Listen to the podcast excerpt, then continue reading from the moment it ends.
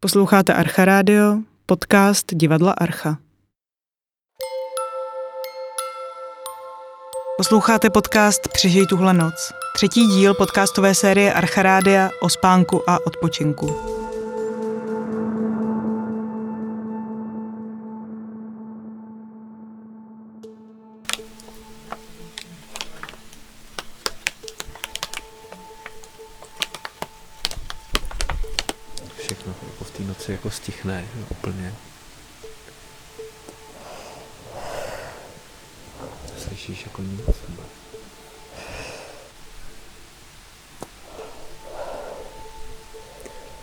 Se to dá jako nahrát vůbec tohleto, ta noc. to právě chci zjistit.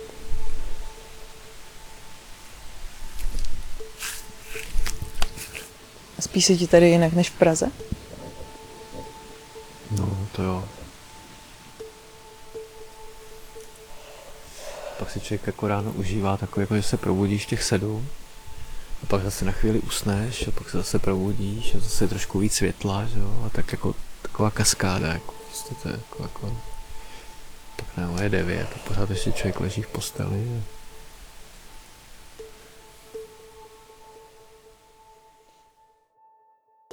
Karanténní opatření se už skoro všude přetavily ve standardní pracovní nasazení, ve kterém se snažíme dohnat všechno to, co jsme za těch několik měsíců neodpracovali. To se nutně projevuje na tom, jak spíme. Nejen jak dlouho, ale také jak hluboce a v jakých podmínkách. Díl, který právě posloucháte, bude o kolonizaci noci. Mluvit budu s autorem dnes už známé knihy Odpočinek v neklidu, antologie věnované biopolitice spánku, kterou Nikola Ivanov vytvořil jako svoji diplomku na Vysoké škole umělecko-průmyslové. Téma ale neopustil a dál se ve své dizertaci věnuje společnosti 24-7, osidlování nočního času a mizení tmy. Podcastem, u kterého je lepší ležet, než pobíhat po městě, vás zase provedu já, Alžběta Kvasničková. Příjemný poslech. Ahoj Nikolo. Ahoj. Jak jsi se ke spánku jako k problému a tématu, které se dá zkoumat na umělecké škole vlastně dostal? No, tak má to několik rovin různých. Eh, jedna z těch rovin je eh, osobní, kdy vlastně někdy kolem asi zhruba 25-26 let se mi eh, ve zvýšené míře začala objevovat spánková paralýza, což je takový zvláštní vlastně stav mezi bdělostí a spánkem, eh, dochází k němu eh, během probouzení většinou, nebo i během usínání k němu může dojít. A je to vlastně problém s tím, že mozek má určitý spoždění a vlastně není schopný si uvědomit, že už je bdělý. A to se právě projevuje tady tou spánkovou paralýzou, kdy dochází ke stuhnutí veškerých svalů v těle, Eh, vlastně ještě je zajímavý jako na tom to, že eh, většinou člověk vidí to reálné prostředí, ve kterém spí, ale který může být různým způsobem eh, deformovaný, může to být doprovázený různýma druhama halucinací, haptickýma, vizuálníma. A vlastně ve chvíli, kdy se mi tady ta věc děla ve nějaký zvýšený míře, tak jsem se rozhodl, že kontaktu Národní ústav duševního zdraví a dozvím se o tom trošku víc. No a ve stejné době vlastně uh, jsem připravoval svůj, nebo jsem přemýšlel respektive nad tím, uh, co budu dělat na svoji diplomovou práci na Umprumce. A uh, najednou vlastně jako se to ukázalo, že možná tady to je přesně, přesně ta věc, která by mě mohla bavit a současně vlastně není uh, zase v českém prostředí tak dobře zmapovaná.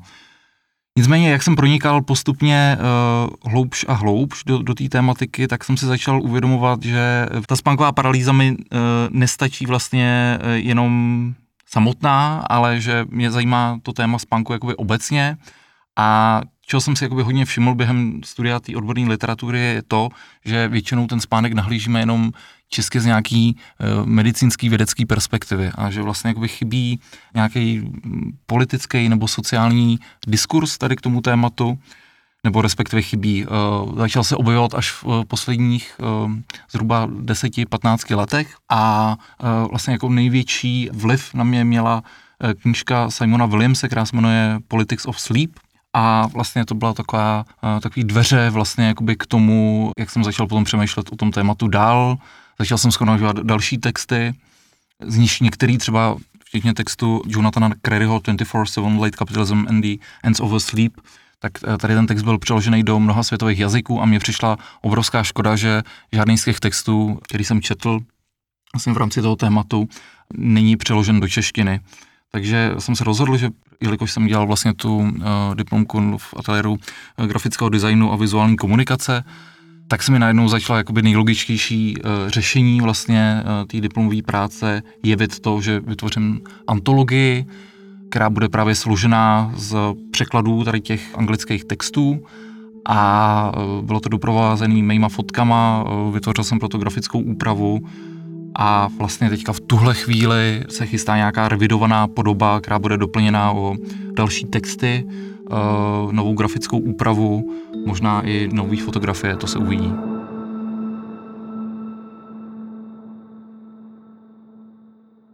Můžeš upřesnit a rozvést, co to biopolitika spánku vlastně je? Jak spolu souvisí spánek, intimní proces hmm. odpočinku a politika, věc veřejná?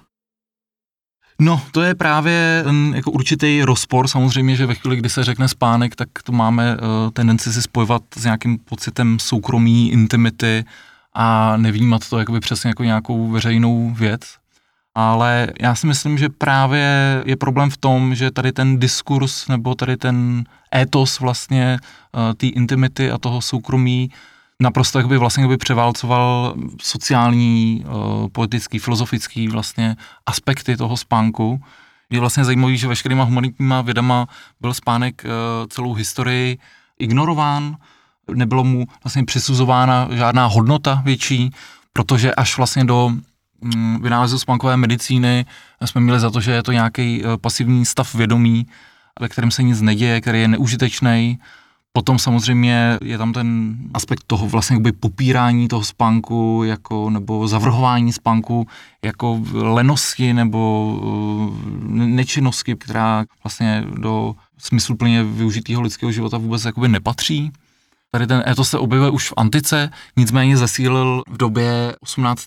a 19. století, kdy se samozřejmě objevuje uh, raná podoba kapitalismu, objevuje se industrializace společnosti, urbanizace měst a tady v té době vlastně uh, se začíná uh, například u jednoho amerického um, duchovníka Cotona Mayera se začínají objevovat první jakoby vlastně Eh, návody na to, eh, jak nespat a potom, potom vlastně eh, tady ta retorika zesiluje v době Tomaze Edisona, který byl vyhlášený tím, že nespal nebo spal jenom pouze 3 až 4 hodiny denně a dokonce v jednom časopise nebo novinách prohlásil, že vlastně spánek považuje za přežitek. Je to přežitek vlastně právě pro tu neustálou výrobu, kterou on si vysnil a dokonce jako tady k tomu tvrdému svankovému režimu e, nutil i své vlastní zaměstnance. Jedním z lidí, kdo absolvovali tady ten test nespaní, tak byl dokonce Nikola Tesla, který díky tomu, že vlastně zvládl teďka, nevím jestli dva nebo tři dny, dva dny asi pracovat bez spánku, tak na základě toho, že tady to zvládnul, tak byl přijatý do General Electric právě Tomasem Edisonem.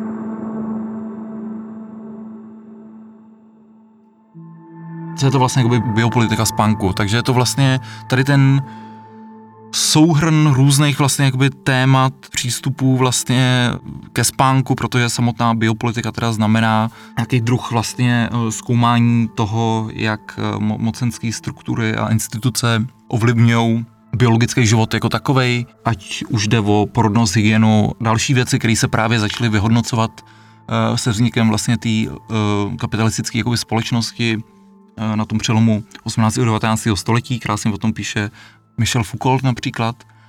A vlastně to je ten počátek opravdu nějaký disciplinace těch jakoby obyvatel, i vedení nějaký vlastně statistik o, o podobných věcech.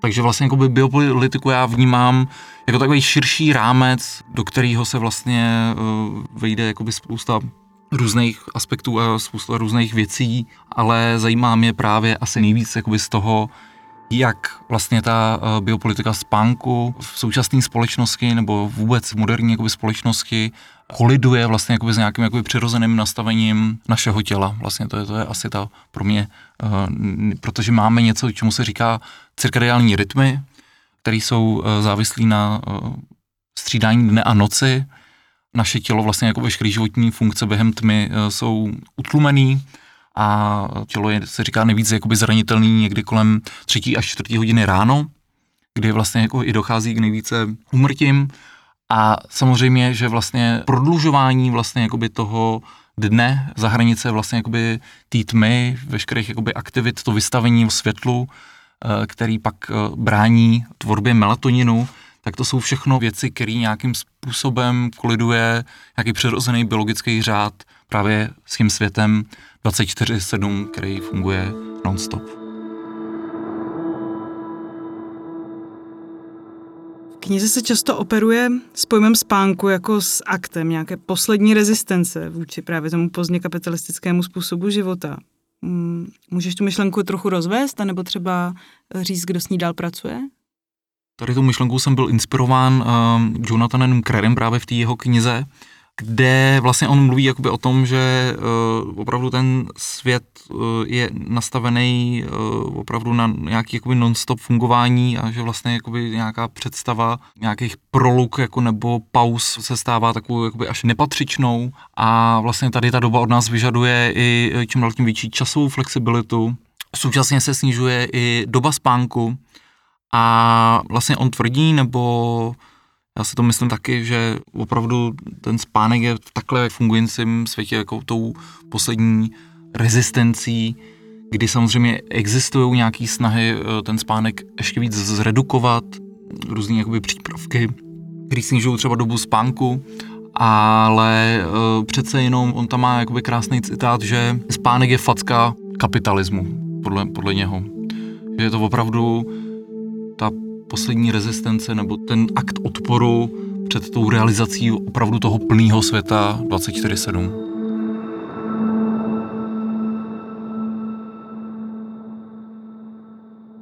Když pojem kolonizace dnes běžně používáme pro nejrůznější oblasti lidského působení, stále mi nutně evokuje prostorovost. Ty se ve své práci odkazuješ k textu Moraje Melbina Night as a Frontier v překladu Noc jako hranice, který porovnává kolonizační expanzi do prostoru eh, se záborem času noci. Jakou podobnost tam vidíš ty?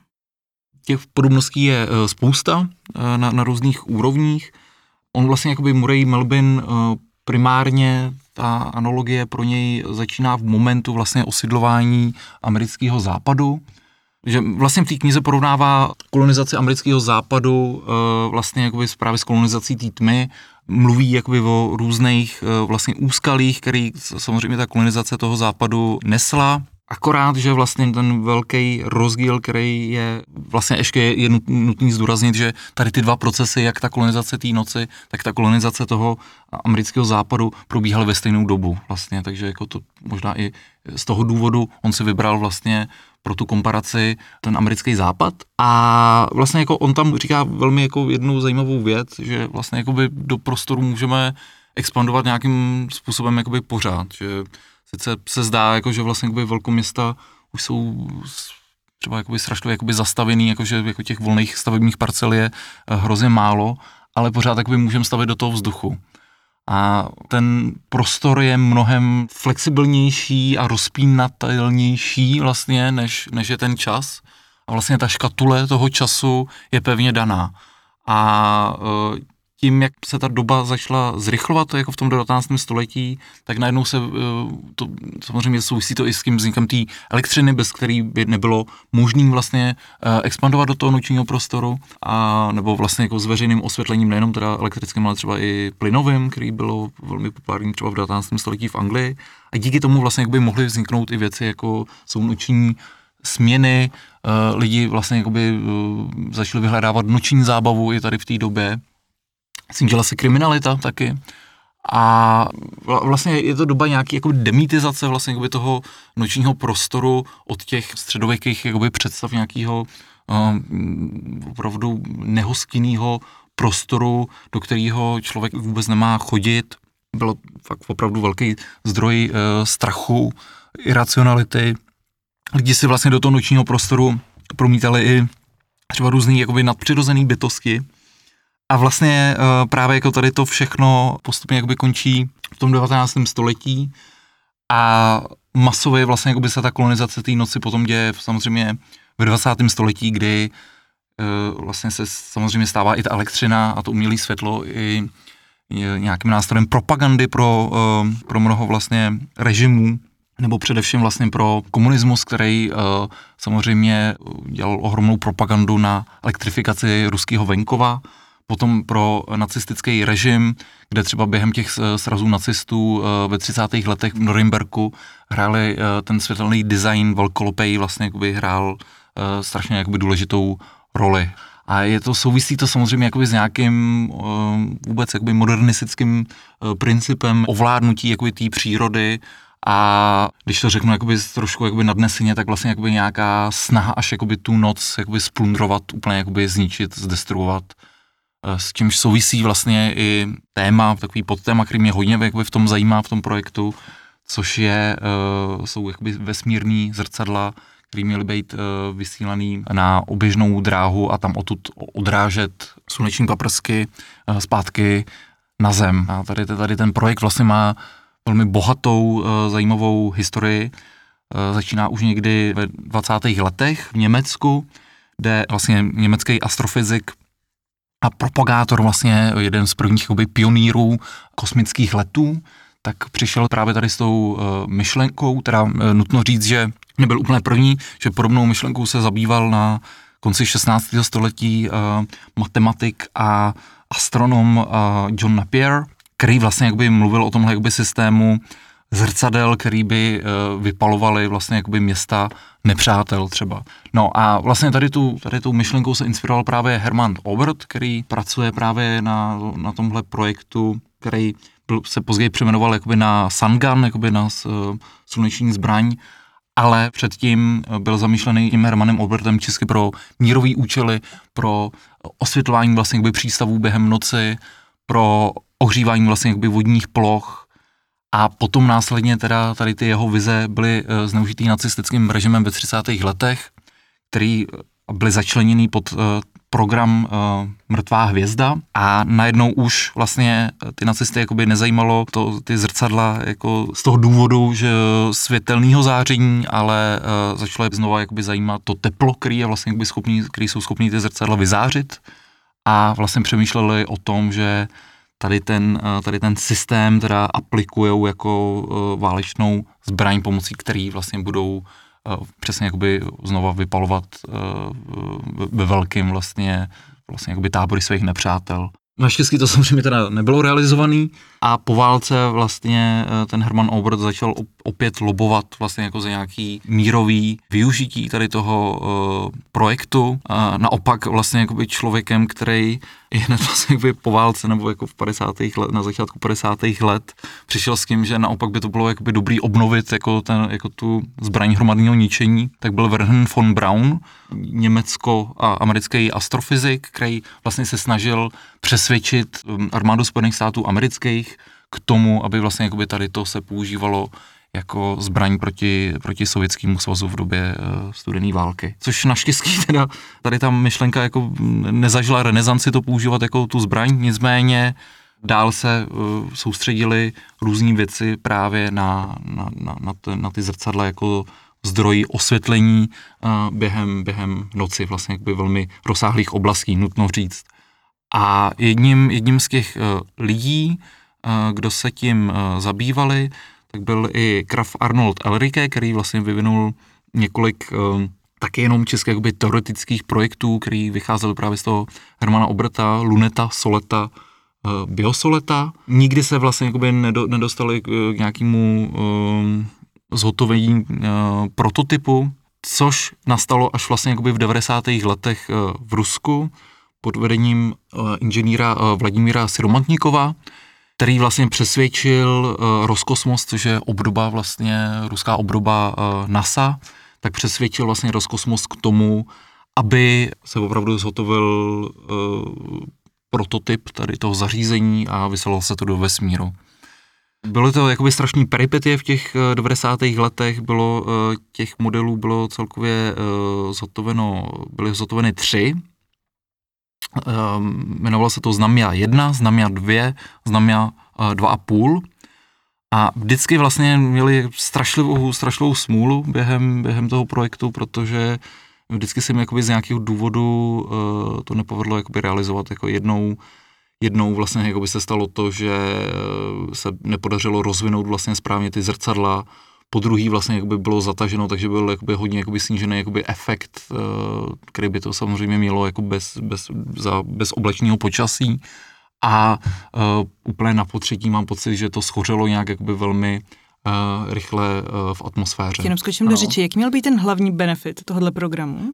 Největší benefit měl být uh, právě v tom, že to ušetří jakoby spoustu peněz za elektřinu vlastně. Ono to původně bylo jakoby zamýšlené v rámci jakoby těžebních oblastí na Sibiři, a opět vlastně jakoby, zase jakoby ta představa té jakoby non, non-stop jakoby výroby a to jakoby světa 24-7, to pořád jakoby spolu, spolu souvisí. A takže vlastně jakoby po těchto třech různých pokusech, eh, kdy ani jednou se to nepovedlo, ještě pardon, ještě eh, doplním vlastně, že u toho třetího pokusu eh, vlastně se opravdu teda to podařilo rozvinout ty zrcadla, a, takže dokonce ten paprsek vlastně jakoby toho světla na, na té zemi jako opravdu několik chvil byl, nebo respektive putoval velmi vysokou rychlostí z Francie až vlastně do Ruska, dokonce putoval přes naše území, takže mě teďka jakoby hrozně jakoby zajímá třeba jakoby najít nějaký jakoby svědky, nějaký lidi, který, eh, to mohli jakoby tenkrát eh, v té době vidět, na, na tom, v té druhé polovině 90. let. Nicméně, eh, jak jsem už říkal, tak velmi záhy vlastně schořela ta, ta znamia právě jakoby v atmosféře. No a vlastně tady ty všechny ty, tady ty Eh, prototypy měly tak kolem 20-25 metrů, ale nakonec se ruští inženýři eh, rozhodli, jako, že to je asi jakoby nejspíš jakoby málo a u toho vlastně jakoby třetího prototypu, nebo u toho třetí, u Znamia 3, u toho projektu Znamia 3, se rozhodli vlastně, že už to bude mít uh, dokonce jakoby 70 metrů. Nicméně umíme si asi jakoby představit, jaká byla ekonomická situace v Rusku na konci 90. let, kdy se pořád Rusko zpamatovávalo z rozpadu východního bloku, je to ta, je to ta doba vlastně jakoby konce té Jelcinové éry, nástup uh, Putina a tady v té době samozřejmě ta země čelila nějaký jakoby, eh, ekonomický krizi, kvůli který samozřejmě Roskosmos dal ten projekt uh, k ledu jako naprosto utopický, nerealistický a hlavně velkým způsobem nákladný.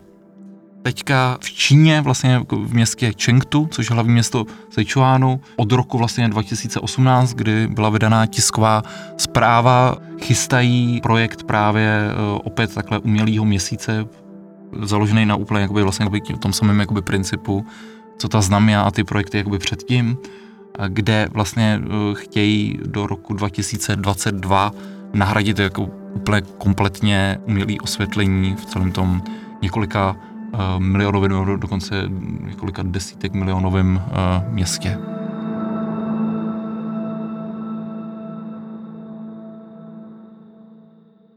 Na tom, že vlastně se snižuje množství času, který strávíme spánkem, se asi shodneme. Hmm.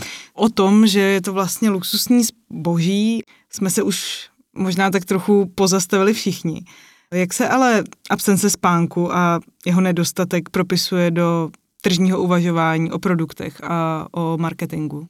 No to je právě to, že vlastně to je takový paradox, že vlastně jakoby ta doba spánku se snižuje, ale máme jakoby čím dál tím jakoby silnější jakoby tendence ten, ten spánek nějak jakoby kontrolovat jako, nebo nějak ovlivňovat. Což samozřejmě jakoby spolu, spolu jakoby nějak uh, souvisí.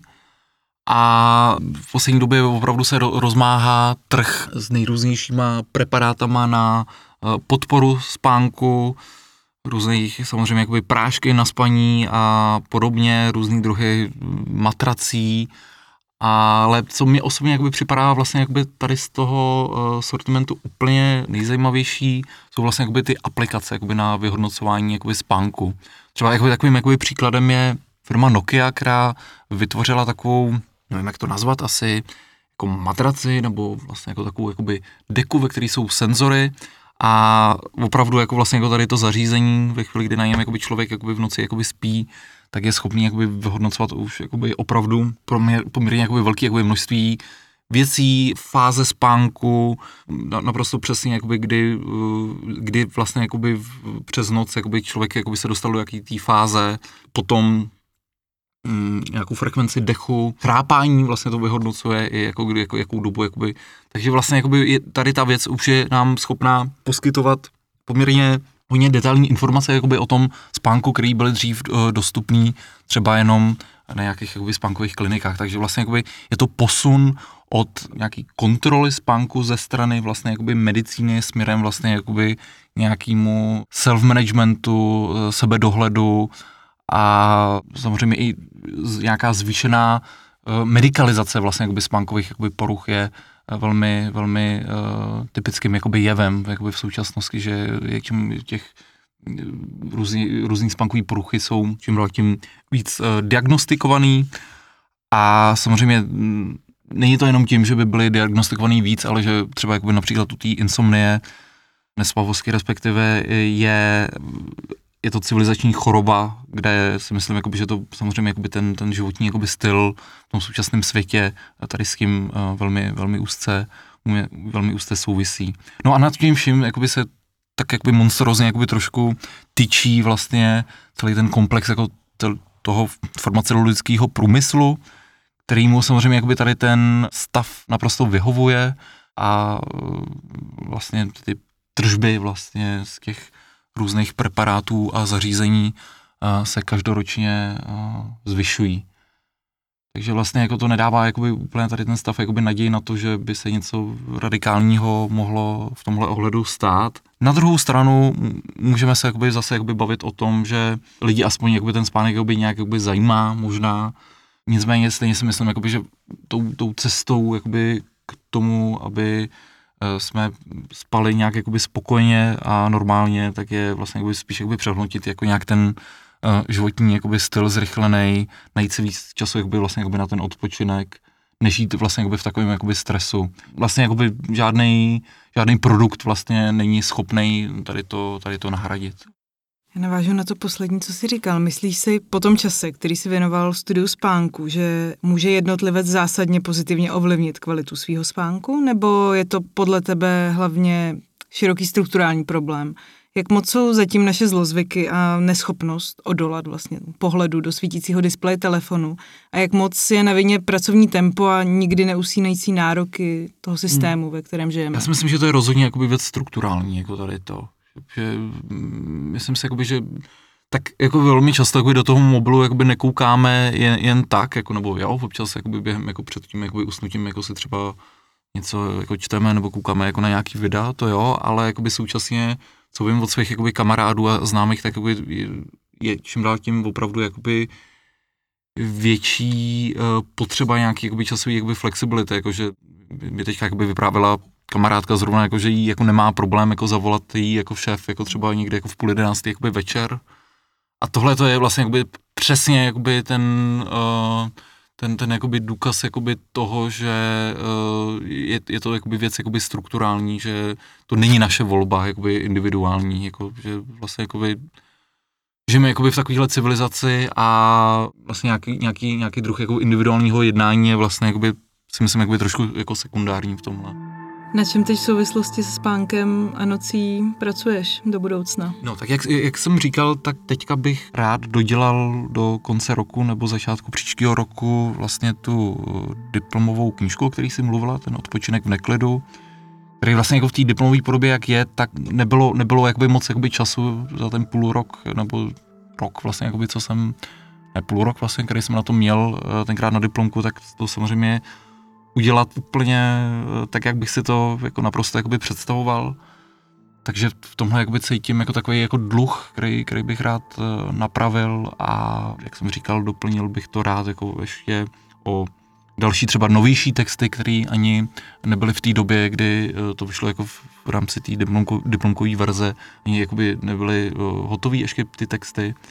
Takže nějakým jakoby způsobem to aktualizoval, rozšířil vlastně jakoby ten pohled, opravdu to pojal vlastně jakoby ještě víc jakoby komplexněji a vlastně i nějakým jakoby způsobem uh, lehce, uh, lehce jakoby revidoval tu grafickou uh, podobu. Tak to je, to je jedna věc, no a potom, potom vlastně jakby v souvislosti se spánkem, ale už vlastně jakby s tou kolonizací nocí, což je jakoby to navazující téma, tak uh, chystám do, teďka do, na konci září do Brna výstavu, který se vlastně jakby toho spánku bude lehce uh, dotýkat, dotýkat taky, ale úplně upřímně jako na rovinu se přiznám jakoby k tomu, že možná to téma spánku nebo té biopolitiky toho spánku už chci trošku jakoby uzavřít a opravdu se víc věnovat jako té kolonizaci, té noci, která, která, mě, která mě zajímá teď. No.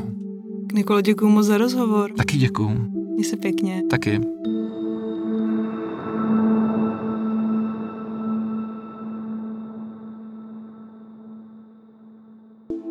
Slyšeli jste rozhovor s Nikolou Ivanovem, kterému patří můj velký dík.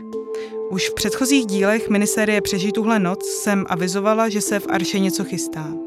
Něco, co taky souvisí se spánkem. Dobrá zpráva je, že ta věc má už jasné kontury. Sledujte web a doražte na některou z repríz Domu bez spánku na podzim. Loučím se s vámi. Na podcastu spolupracovali Nikola Ivanov, sound design a zvuková úprava Honza Sedláček a já, Alžběta Kvasníčková. Vytvořeno v produkci divadla Archa. A jestli vás podcast bavil, nebo jste se třeba při jeho poslechu trochu oklepali od pracovního tempa a náporu, přihlašte si Archa Radio k odběru ve vaší mobilní aplikaci, nebo úplně nejlíp, doporučte ho svým kámošům a známým. Snad se neslyšíme naposled. Spěte dobře a spěte hodně, nebo aspoň o trochu víc, než jste zvyklí.